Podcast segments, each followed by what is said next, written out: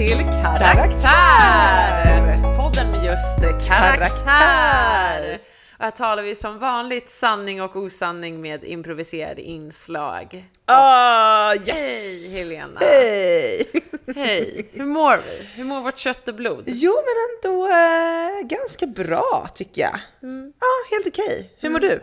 Ja, Jag känner mig rätt dränerad över allting som har hänt den senaste veckan. Om Ja. jag vill säga så, eller de senaste två veckorna. Jag bara känner att man är jag är som en tumlad katt som är dränkt tre gånger om och liksom får torka och hängt upp. Jag är helt eh, slut. Ja, jag kan nog känna lite samma känsla Mm. faktiskt. Att man har liksom blivit eh, tumlad runt i någon slags torktumlare och kommit ut och överlevt men man är fortfarande blöt om fötterna. Typ. Ja, man är typ chockad. Ja. Vad vi talar om är ju eh, framförallt då eh, ett val som har påverkat hela vår värld. Att Trump blev president Ja i men det USA. är så sjukt, hur kunde det hända? Jag vet inte hur det kunde hända, men obviously var hela världen blind. Ja, obviously. Att det är många saker som jag tror liksom det har öppnat upp och jag tror väldigt många har tänkt till under den här tiden på hur man själv liksom väljer att se det. Vad jag bara kan konstatera det är att vi har no clue av vilka som är på andra sidan. Alltså, vi ser vårt flöde och jag tror så här, sociala medier i all sin ära, det är rätt att de samlar människor, man blir mer medveten om vad som försiggår i världen, men man talar ju bara till likasinnade i sina grupper. Alla algoritmer i Facebook, Instagram, allting handlar om att egentligen göra sin röst stark i en grupp som redan tycker att man gör bra saker. Ja, för om man ska vara lite krass. Jag var ju utbytesstudent i Nebraska när jag, när jag var 18. Och det är klart att det jag läst på Facebook under tiden, alltså under liksom valåret, är ju väldigt vinklat. Alltså Hillary pro. Och det är klart att mina gamla klasskompisar i Nebraska, som är en superröd stat där, där Trump liksom vann med en slags jordskredsseger. Det är klart att de läser samma vinklade artiklar fast om Trump. Ja. Alltså, det blir så sjukt när man inser hur mycket, vilken makt Facebook har i det här läget och hur de kan på något sätt alltså, påverka en hel nation och en hel värld. Mm, mm.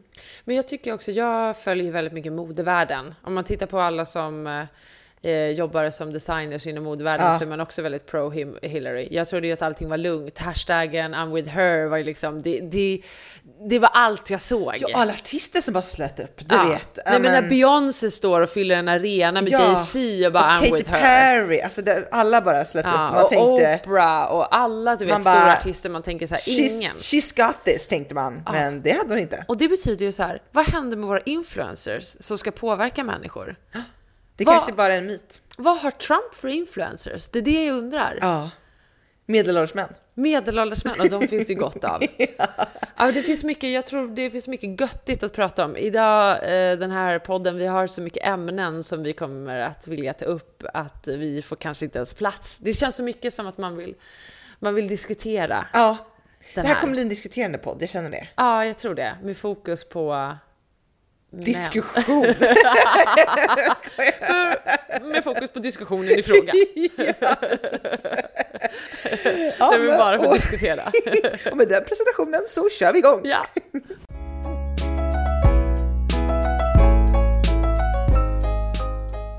Ja men Therese, det har också hänt grejer här hemma som man ändå har varit lite irriterad på senaste veckan. Verkligen.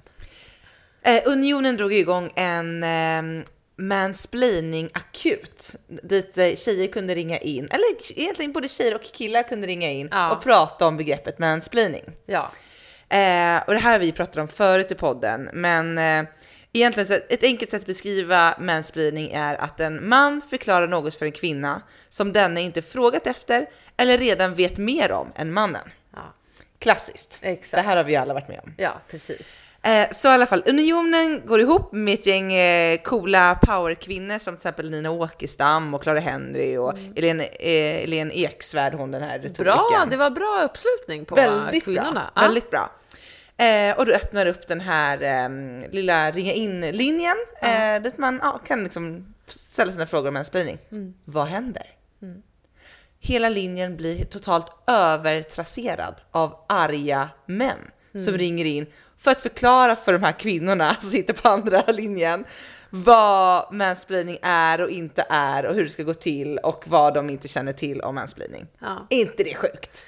Det är sjukt i den definitionen att det blir så klockrent också exempel för att ironin är ju självklar i det här. Ja.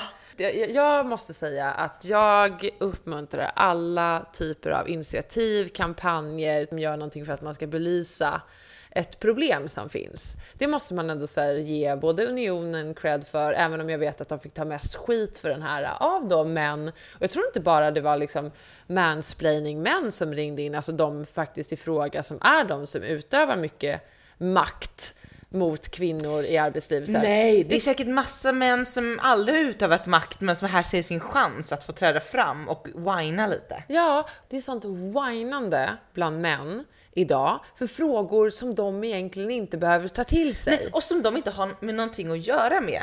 Det här låter kanske jätteradikalt, men en man vet inte hur det är att vara tjej eller kvinna för att det är inte på samma sätt. Nej, och exakt. Jag tycker vi ska gå djupare in på det i vår diskussion. För att på något sätt är det så här, istället för att göra det här till en så här om jag nu skulle vara man, jag vet med mig att jag har betett mig på det här sättet istället för bara, åh, oh, jag borde tänka till. Jag borde göra någonting annorlunda. Jag kanske borde ändra hur jag är och också säga till andra män att herregud, titta här, de gör den här kampanjen. Vi borde ta åt oss. Hur kan vi göra som män för att kvinnor inte ska känna sig så här i vårt sammanhang? Men det är inte det som händer. Nej. Utan vad som händer är att man känner sig stött, man känner sig kränkt och man vill bestrida det. Och vad händer då? Jo, vi får en maktkamp igen mellan män som känner sig utblottade och jag, det är det jag tror problematiken blir, att frågan är om vi når vårt mål med de här typer av aktiveringarna när vi separerar män och kvinnor ytterligare. Att vi som grupp av kvinnor blir väldigt mycket starkare för vi har någonting att projicera Ja. en ilska mot och är liksom oförstående i samhället mot. Medan de känner sig mer åsidosatta, mer hatiska, mer också vi grupp som män, vi måste stå på oss också. Att, att jag tror att så här, syftet på sådana här grejer förloras för att män inte kan se det för vad det är. Nej, och gapet blir på något sätt större. Eh, så att det är svårt hur man ska tackla en sån här grej samtidigt som jag tror att det är superviktigt att vi belyser en sån här, en sån här grej som mansplaining som uppenbarligen alla kvinnor har stött på i liksom, yrkeslivet eller privat och som uppenbarligen är ett sånt stort problem. Det är klart man måste kunna prata om det för att Ja. på något sätt kunna förändra det. Har du kollat på serien The Fall? Ja, lite, ja absolut. Det är min Absolut. favoritserie, finns på Netflix, fantastisk. Med Gillian Anderson, du vet Ja, gamla ja, Arkivex ja, ja. eh. I alla fall, hon säger en så himla bra grej i, eh, jag tror det är sista mm, avsnittet andra säsongen. Ja. Som är så här att eh, mäns största rädsla när det kommer till kvinnor är att kvinnor ska skratta åt dem. Det är deras största rädsla. Kvinnors största rädsla när det kommer till män är att de ska döda dem. Ja, det är fruktansvärt. Förstår du där? Där någonstans. Jag tycker det är så tydligt och det är så bra sagt för att det är så det är. Alltså, där kan man se skillnaden på vad män och kvinnor behöver utstå och vara rädda för i vardagen. Det är ju så att ingen man kommer någonsin kunna förstå. Nej, De, för att de just inte är kvinnor. Och Precis. vi har någonting och har varit med om saker i våra liv som gör att såna här kampanjer, såna här debatter eh, och så här frågeställningar dyker upp överhuvudtaget. Du som man, och nu får ju du och jag Helena raljera hur mycket vi vill över det här för det här är vår podd. Ingen kan avbryta. Ingen kan avbryta. Och troligtvis så hoppas vi att du som följer är också med oss. Vi kanske pratar till döva här, vem vet? Men då stärker ju vi, vad vi gör, det är att vi stärker vår grupp ytterligare. Som gör att vi kan samla kraft att se förbi sådana här saker. För någonstans, vi har alla varit med om och säkert blivit utnyttjade på något sätt, eh, sexuellt trakasserade. Jag vill bara säga när jag växte upp, och det här är sanning. När jag och mina tjejkompisar växte upp i det samhället vi levde eh, i då, då var det vardagsmat att så fort du skulle gå förbi ett killgäng så visste du att det skulle antingen om som finast busvisslas och säga någonting om din stjärt. Alltså absolut. Det värsta kunde vara att man, jag har haft tjejkompisar som blivit spottade på, knuffade på, sparkade på, skällsord, blivit kallad hora bara för att de har gått förbi dem på perrongen. Ja, nej men det, Alltså jag tror, jag tror alla, jag tror inte det finns en enda tjej, inklusive oss själva, som inte blivit sexuellt trakasserad någon gång vid något tillfälle. Jag har blivit det. Och hur kände du då? Nej men alltså det, är man, det sjuka är att man känner sig så sjukt, då känner man ju sig kränkt och man känner sig jag kan förstå det här med, nu blir det väldigt liksom djupt med det här med att våldtäktsoffer på något sätt känner skuld och vill ställa sig och duscha. För det är den känslan man får. På något sätt känner man sig äcklad och kränkt och ledsen. Och så himla orättvist behandlad. Eh, och det är en känsla som jag tror få män har upplevt på samma sätt som eh, de flesta, men jag ska säga majoriteten av tjejer, kvinnor i Sverige och i andra länder har. Det här är en så viktig fråga. För det är också, jag kan tycka att eh, man, man går igenom såna här saker hela tiden och det blir vardagsmat. För att man skakar bort saker också. När du är med om saker så tänker du så här, ah, det här får inte bli så farligt. Man gör typ inte en stor grej av det heller, utan man håller det för sig själv. Och man pratar med andra kvinnor. Så vad gör vi? Nej, saker förändras inte. Nej. Och det då blir jag extra trött på när man försöker göra någonting som ska förändra och det inte kan mottas. En ung tjej som Clara Henry som är en som förebild för så många verkligen unga tjejer där ute. När hon blir nerringd av någon kränkt man som ska sitta och berätta för henne om mansplaining. När hon sitter där på sin fritid och försöker hjälpa unga tjejer att bli lite kaxigare och modigare och ta för sig mer. Då, då kan jag tycka, vad fan, vad fan är frågan om? En eh, svensk komiker, han skånska komikern Sven Melander, han sa det så himla fint i en SVT-intervju som jag hörde. Han var och uttalade sig så skarpt mot män i frågan om när Sara Larsson var på tapeten, att hon blev så hatad av manstroll, av troll i sociala medier som ville döda henne. Hon fick hotbrev, hon skulle inte finnas, hon skulle utraseras, hon skulle våldtas, hon skulle straffknullas, hon skulle mördas.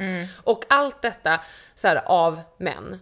Helt ärligt, vi har en sån fantastisk kvinna som går i bräschen för saker och försöker förändra saker och hon får bara skit. Och han sa det så fint för han bara, hur kan vi projicera detta på en ung kvinna när det är vårt fel. Det är vi som våldtar, det är vi som misshandlar folk. Det är jag som ska ta ansvar för mig, mina söner, de, deras vänner, mina kollegor. Det är vi som gör fel. Och han har så rätt. Ja. Nej, så eh, det en lång utläggning om eh, det här, men det kändes skönt. Det känns som att vi, behövde få ur- oss det här. Ja, för att på något sätt handlar det också om så här, hur vi uttrycker oss. Att när vi pratar om medelålders vita kränkta män som håller på och slår oss i ansiktet med en ryggsäck i tunnelbanan.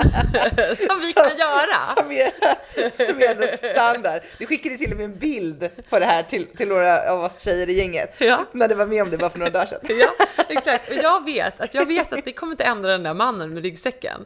Men det kommer göra att vi känner oss starkare och mer unified i kampen mot dem. Ja. Jag skulle inte säga Helena att vi är hotade av dem för vår framtid. Vi vet att de här äh, mansplaining-männen, de kommer inte betyda ett skit för oss för vi kommer klara oss jäkligt bra. Men de är sådana störningsmoment just nu Ja. i vår Man, samtid. man, blir, man kan inte låta bli att bli irriterad. Nej. Du, Therese, tror du att vi gick lite för hårt ut nu? Ja, du menar mot män? Ja, våra manliga lyssnare kanske känner sig lite kränkta. Ja, du har rätt. Ehm, det var ju verkligen inte meningen, men samtidigt, om de känner det, Ja. då har de inte lyssnat på vad vi har sagt. Du, då har du faktiskt rätt i. Ja, faktiskt.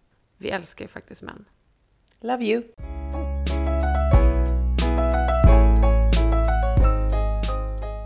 Ja, Helena, jag är inte klar kommer jag vara.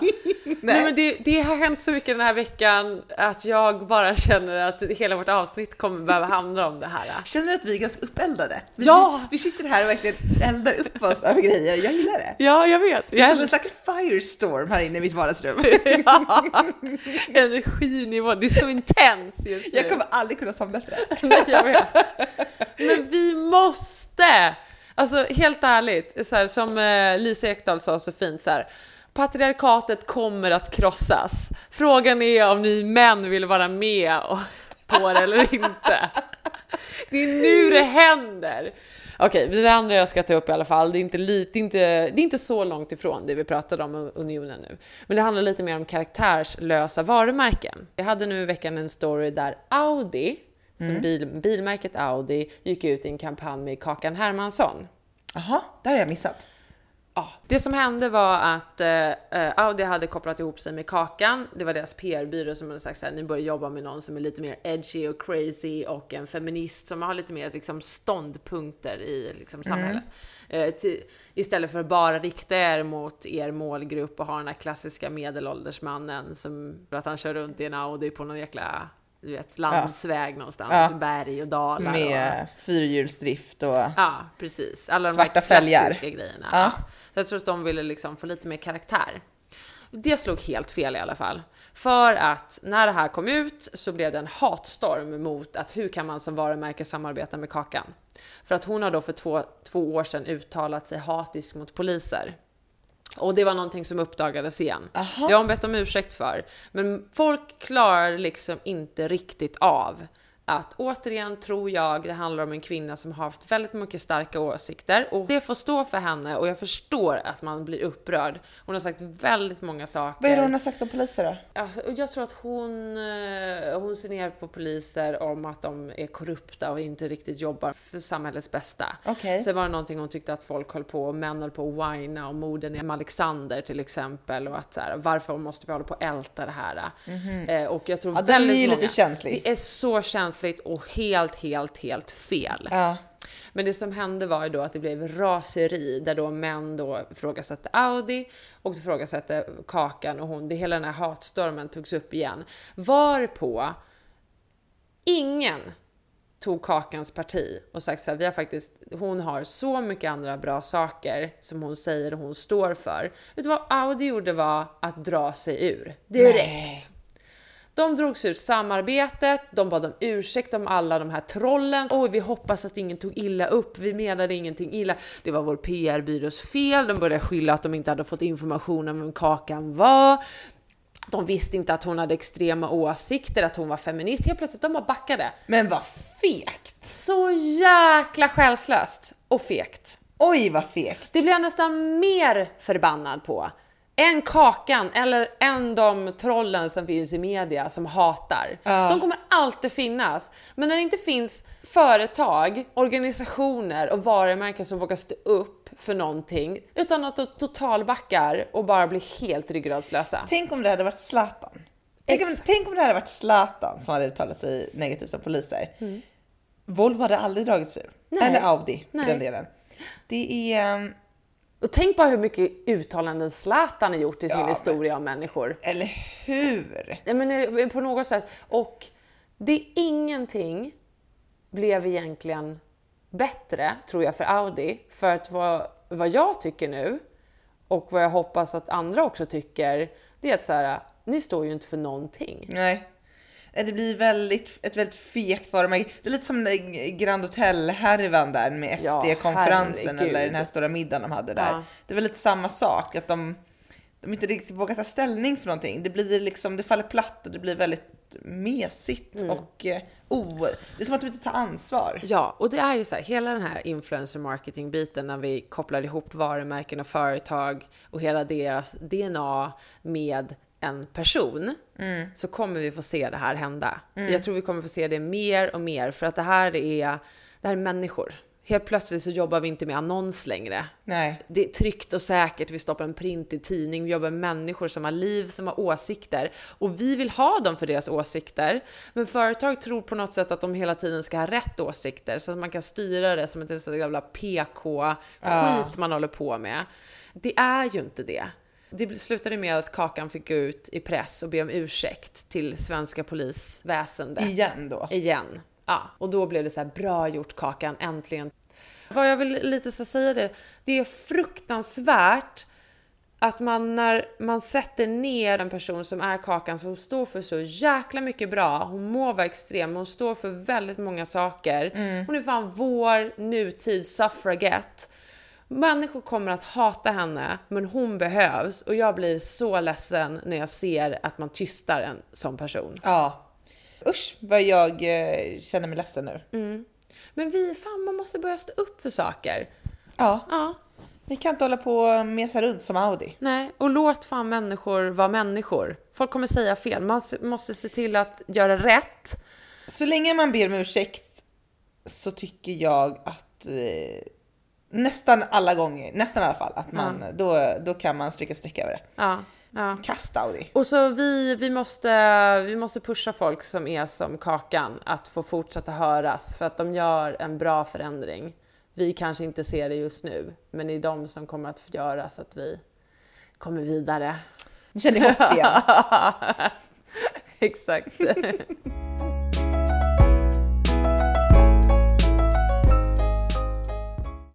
Skrämd eller sugen, skrämd eller sugen, skrämd eller sugen. Skrämd eller sugen alltså? Yay! Så skrämd så att du blir sugen. Eller så sugen att du blir skrämd. Ja. Det har varit väldigt mycket prat om Trump senaste Ja. veckorna. Ja. Alltså så mycket prat om Trump. Vilket man såklart förstår. Han, han har fått en viktig roll i, i världen. ja, i världspolitiken har oroat en hel värld. Så, ja, det, det, jag förstår. Jag förstår att det har pratats mycket om honom. Ja, men det har ändå pratats mycket om honom. Men någon som jag tycker det har pratats lite, lite om, eller kanske också lite för dåligt om, Ja.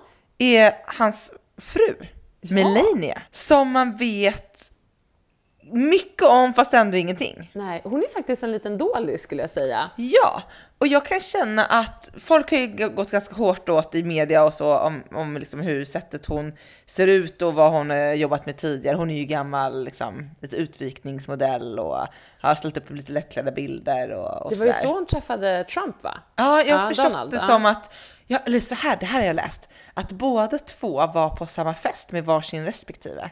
Mm, men på något sätt så fattade de tycke på varandra på den här societetsfesten. Mm. Så eh, några månader senare så hade båda dumpat sina respektive och blivit tillsammans. Jag undrar vad hon hade för kille innan, om hon bara såg Donald där och bara wow! och så lämnar min man. Hon såg hans lugg och bara den där vill man stryka fingrarna igenom. Hans Cheerios face. Ja, verkligen. Men jag kan känna så här att vi borde ge henne en chans. Ja. Innan, innan man liksom helt liksom drar ner henne i samma, samma smuts och skit som Trump så tycker jag ändå att vi kan ge henne en chans. Vi har ju pratat faktiskt om eh, henne, jag tror det var du som sa till och med, tänk om hon är vår Sofia, prinsessa Sofia. Ja, Ja. precis. Det här har vi åter, det här är ett jättebra exempel. Prinsessa Sofia som alltså nu har gift sig och har barn med prins Philip. Ja, och hela Sveriges lilla gulltjej. Prins, Alltså prins Carl. Philip ska jag säga. Ja, prins. Carl ja, jag, jag gillar inte kungafamiljen as you know, så jag har dålig koll på vad alla heter. Fast du har ju typ ändå börjat gilla Sofia. Nej, eller så här. Jag tycker att eh, hon är intressant som fenomen i och med att hon också är en gammal utvikningsmodell och har varit med i Paradise Hotel och allt vad det är. Och sen nu är hon bara hela Sveriges gulleprinsessa helt plötsligt. Ja, hon har verkligen gått från liksom smuts till, ja, vad säger man? Ja, ja, men alltså folk i svenska stugor där ute skulle ju offra sina liv för henne. Ja, Ja, ja, ja, nu är hon, eh, hon är en nationalhjälte. Hon håller på med charity och ja, Ja, men riktigt- precis. Hon känns ju väldigt så här, hela Sveriges gull, gulltjej. Eh, och det kan man tycka vad man vill om, men jag tycker i alla fall att vi borde ge Melania samma chans. Hon kanske är skitbright. Vet du att hon till exempel pratar sex språk flytande? Nej, det visste jag inte. Då kan man inte vara helt dum i huvudet, tänker jag. Nej, jag kan tänka mig det också. Och jag menar, hon, hon har inte valt det här. Nej, det är det som är så hemskt. Alltså, kan inte du känna någonstans att, alltså nu i veckan kom det ut att hon inte ska flytta in i Vita huset. Har du hört det? Ja, jag vet. Jag Ja, hörde det. för att hon då vill liksom ta hand om Trumps och hennes gemensamma son som, han, tar, som verk, han verkar ju ha liksom farit ganska illa av hela presidentkampanjen och inte mått så bra under den, vilket är hemskt. Eh, han har inte heller valt det här. Eh, men någonstans skulle jag bara känna när jag läste om det här att gud vad hon kanske inte heller vill det här. Nej. Alltså det är Trump som har på något sätt så fått för sig att han ska bli president och sen så plötsligt så gick det hans väg och nu sitter de där. Och nu blir hon så first lady of United States. Hon Ja, bara, med what the all, fuck? hela världens blickar på Hon sig. vill liksom float us overnight och Ja. alla ska döma henne helt plötsligt. Det är väl det som kommer till vår skrämd eller sugen? ja, lång inledning. Är vi skrämda eller sugna på att vara Melania Trump just Åh. nu? Alltså jag kan bara stanna där, du vet också när hon hade sitt så här första samtal med Michelle Obama. När de skulle sitta där framför liksom the fireplace och prata om typ inredning av Vita huset eller vad sjutton de pratade om. Alltså jag vet vad jag kände, jag bara gud vilken hemsk situation att- befinna sig i. Ja, men hon har ju på något sätt så straffats i förtid också för att hon vad hon är. Jag tror till och med Trump sa det. Alltså han bara så här, han hade ju sagt i någon så här, Michelle Obama holds a speech. She get love. Um, Melania. Melania Trump holds the same speech. get hate. Men det kanske var för att hon höll exakt samma tal. Jo, kanske. Hon sa ju precis samma saker. exakt hon samma fick inte sak. love. Nej. Hon är liksom, man har dömt henne lite i förhand Ja, också kanske. ja. Men det är underbart. Jag, okej, bara så här. skrämd eller sugen nu. Mm. Sugen inför att vara first lady. Det känns ändå nice. Visst är man ändå sugen på det? ja. Det är så jäkla bra titel. Ja, men jag är typ mer skrämd över att vara tillsammans med Trump. med Donald. Ja, verkligen. Donald. Men det, kan, det, In bed with Donald. Så man kan säga hur mycket som helst, hon kanske är liksom smart eh, och eh, har sitt på det torra och liksom en jättebra plan för att vara first lady. Men någonting är fel när du har en man, går på en modefest, ser Donald Trump, skiter i din man, blir tillsammans med honom, gifter med honom, skaffar barn med honom, går en presidentkampanj med honom och sen blir first lady tillsammans vid sidan av honom. Någonting är fel! Någonting är fel. Det skrämmer mig. Okej, så vad är det? Du skrämd eller sugen? För att vara Melania Trump är jag nog skrämd. Ah, Jag är också vettskrämd faktiskt. Jag är rädd för att dö. Nej men alltså det där, det är... Åh vilka hemska år hon har framför sig. Hon är så fyra år av det här framför sig. Hon kommer bli studerad och hon kommer bli kritiserad och hon kommer... Nej, hon måste, hon måste vara riktigt tuff för att klara det här. Ja, hon måste göra en prinsessa Sofia. Ja, och hoppas hon lyckas. Jag, jag håller henne tummarna för Melania. Ja, alltså faktiskt, så här, på något sätt, låt oss bara ge henne en chans som du sa i början. Låt oss credda henne. Det kanske blir någonting sjukt bra, den där kvinnan som vi kan ha nytta av. Och, och kanske är hon den enda som kan prata rätta med Donald. för det behövs ju. Ja, det behövs ju. Alltså. ja, chansen, för chansen att prata rätta med Donald så tar jag sugen.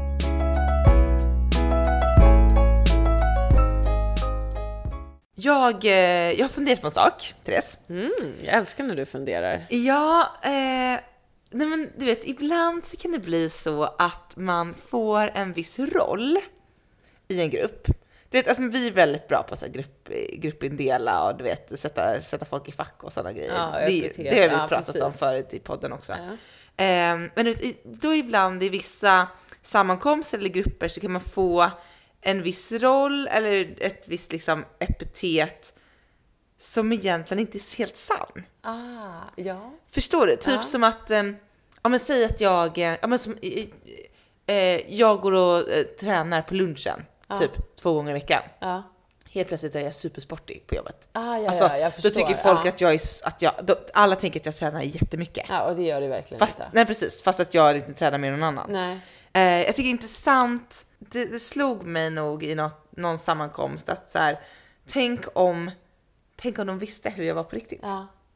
Ja men precis, man, man ger ju alltid en nyanserad bild och man får ju bara lite fragment, framförallt om man inte träffar en person hela tiden. Det kanske är så att du träffar några, en grupp vänner lite då och då spontant, det kanske på jobbet, så liksom du beter dig och ger dem bara lite information av hela dig. Mm. Så de får ju liksom inte hela bilden av vem du är som människa, Nej. utan du på något sätt så här ofrivilligt eller medvetet styr ju vad de ska tro och tycka om dig. Ja. Ja, fan, det där blir alltid, jag, jag har också några sådana grejer som bara blir så här äh, fel och jag kan gräma mig lite åt det i efterhand. Ja, ja, ja, Jag ja. är så att man bara känner så här, gud varför fick jag inte, varför fick de inte veta det? Ja, men varför sa jag inte det istället? Eller liksom. Men ett bra exempel är ju faktiskt innan när jag var, när jag var singel. Så var jag ju, jag, jag fick på något sätt ta den rollen på jobbet som som singeln. Ja. Du vet, för då ville folk veta om jag dejtade och, och hur det gick till nu för tiden. Hur funkar det här med Tinder? Ja, men då fick man liksom, då fick jag den epiteten som jag inte hade bett om. Nej, allt men du vet, blev ja, men, var singeltjejen. ja men precis, jag blev liksom, eh, ja men verkligen min arbetsplats singeltjej. Ja, ja men exakt, exakt. Ja, men Det kan bli lite så här. Det här blir pinsamt att berätta nu. Nej men till exempel en sån sak som jag har. Jag har fått en epitet, eller liksom så här. På jobbet så tycker man att jag sjunger kast. Jag har inget gehör. Va? Men du sjunger jättebra. Jo, tack, tack, tack. Det är det jag kommer Jo, för att när jag, jag har sjungit vid några tillfällen, Ja. eh, bland annat när det var väldigt mycket folk på jobbet så skulle jag sjunga lite och det gjorde jag mig till väldigt mycket så att det blev liksom falskt.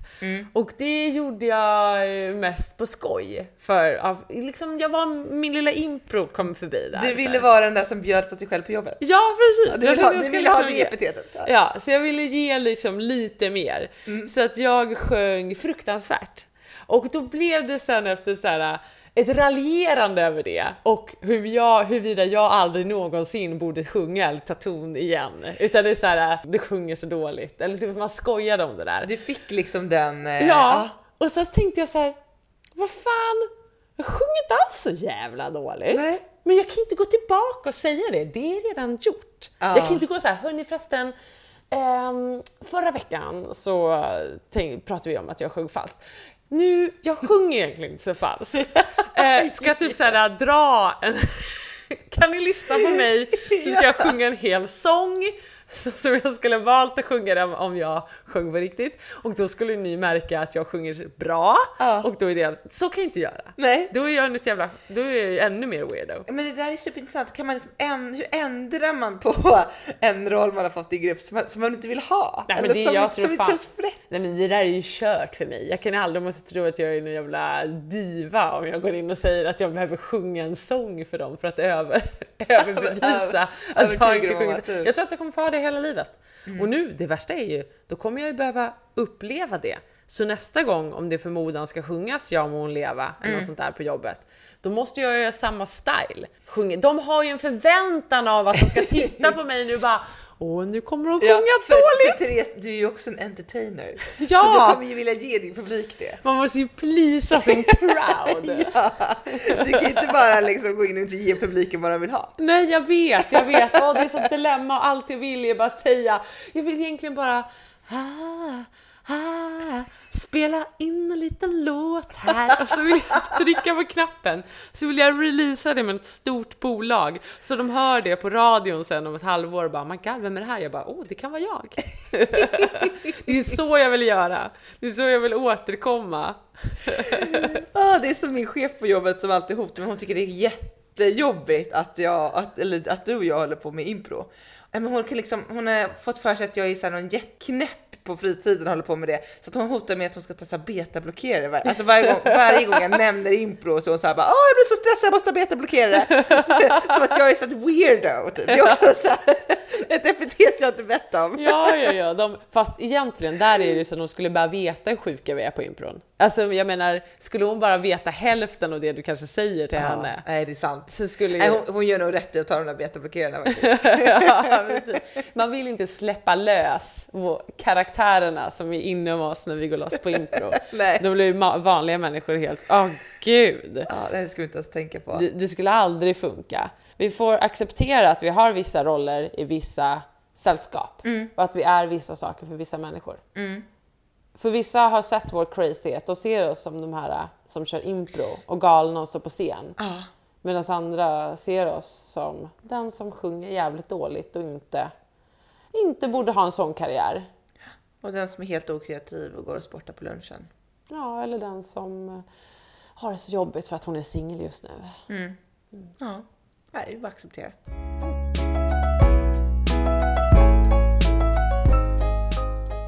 Oh yes! Jag är helt slut. Jag med. Jag har blivit om min än mer dränerad. Ja, verkligen. Men ibland måste bara saker få sägas. Ja, man måste få ut ur kroppen. Man måste acceptera att, man får, Ja. att vi får hålla på lite så här nu och eh, ta ställning mot saker och ha lite åsikter som Ja. kanske är kontroversiella för några. Jag hoppas att ni, om, även om ni inte håller med oss, att ni i alla fall blir underhållna.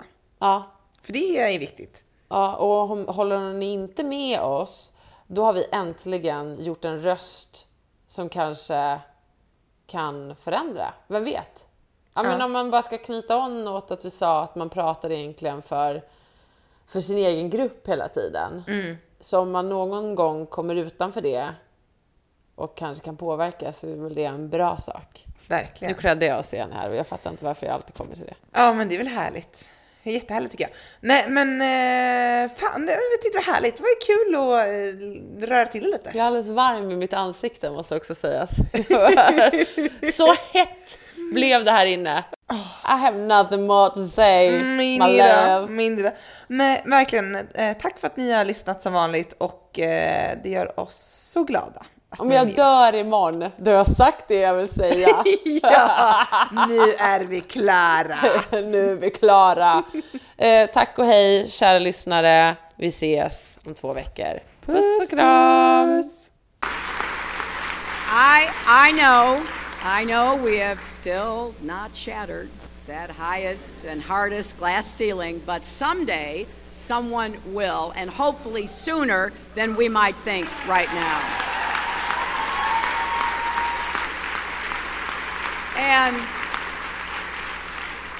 and to all the little girls who are watching this, never doubt that you are valuable and powerful and deserving of every chance and opportunity in the world to pursue and achieve your own dreams.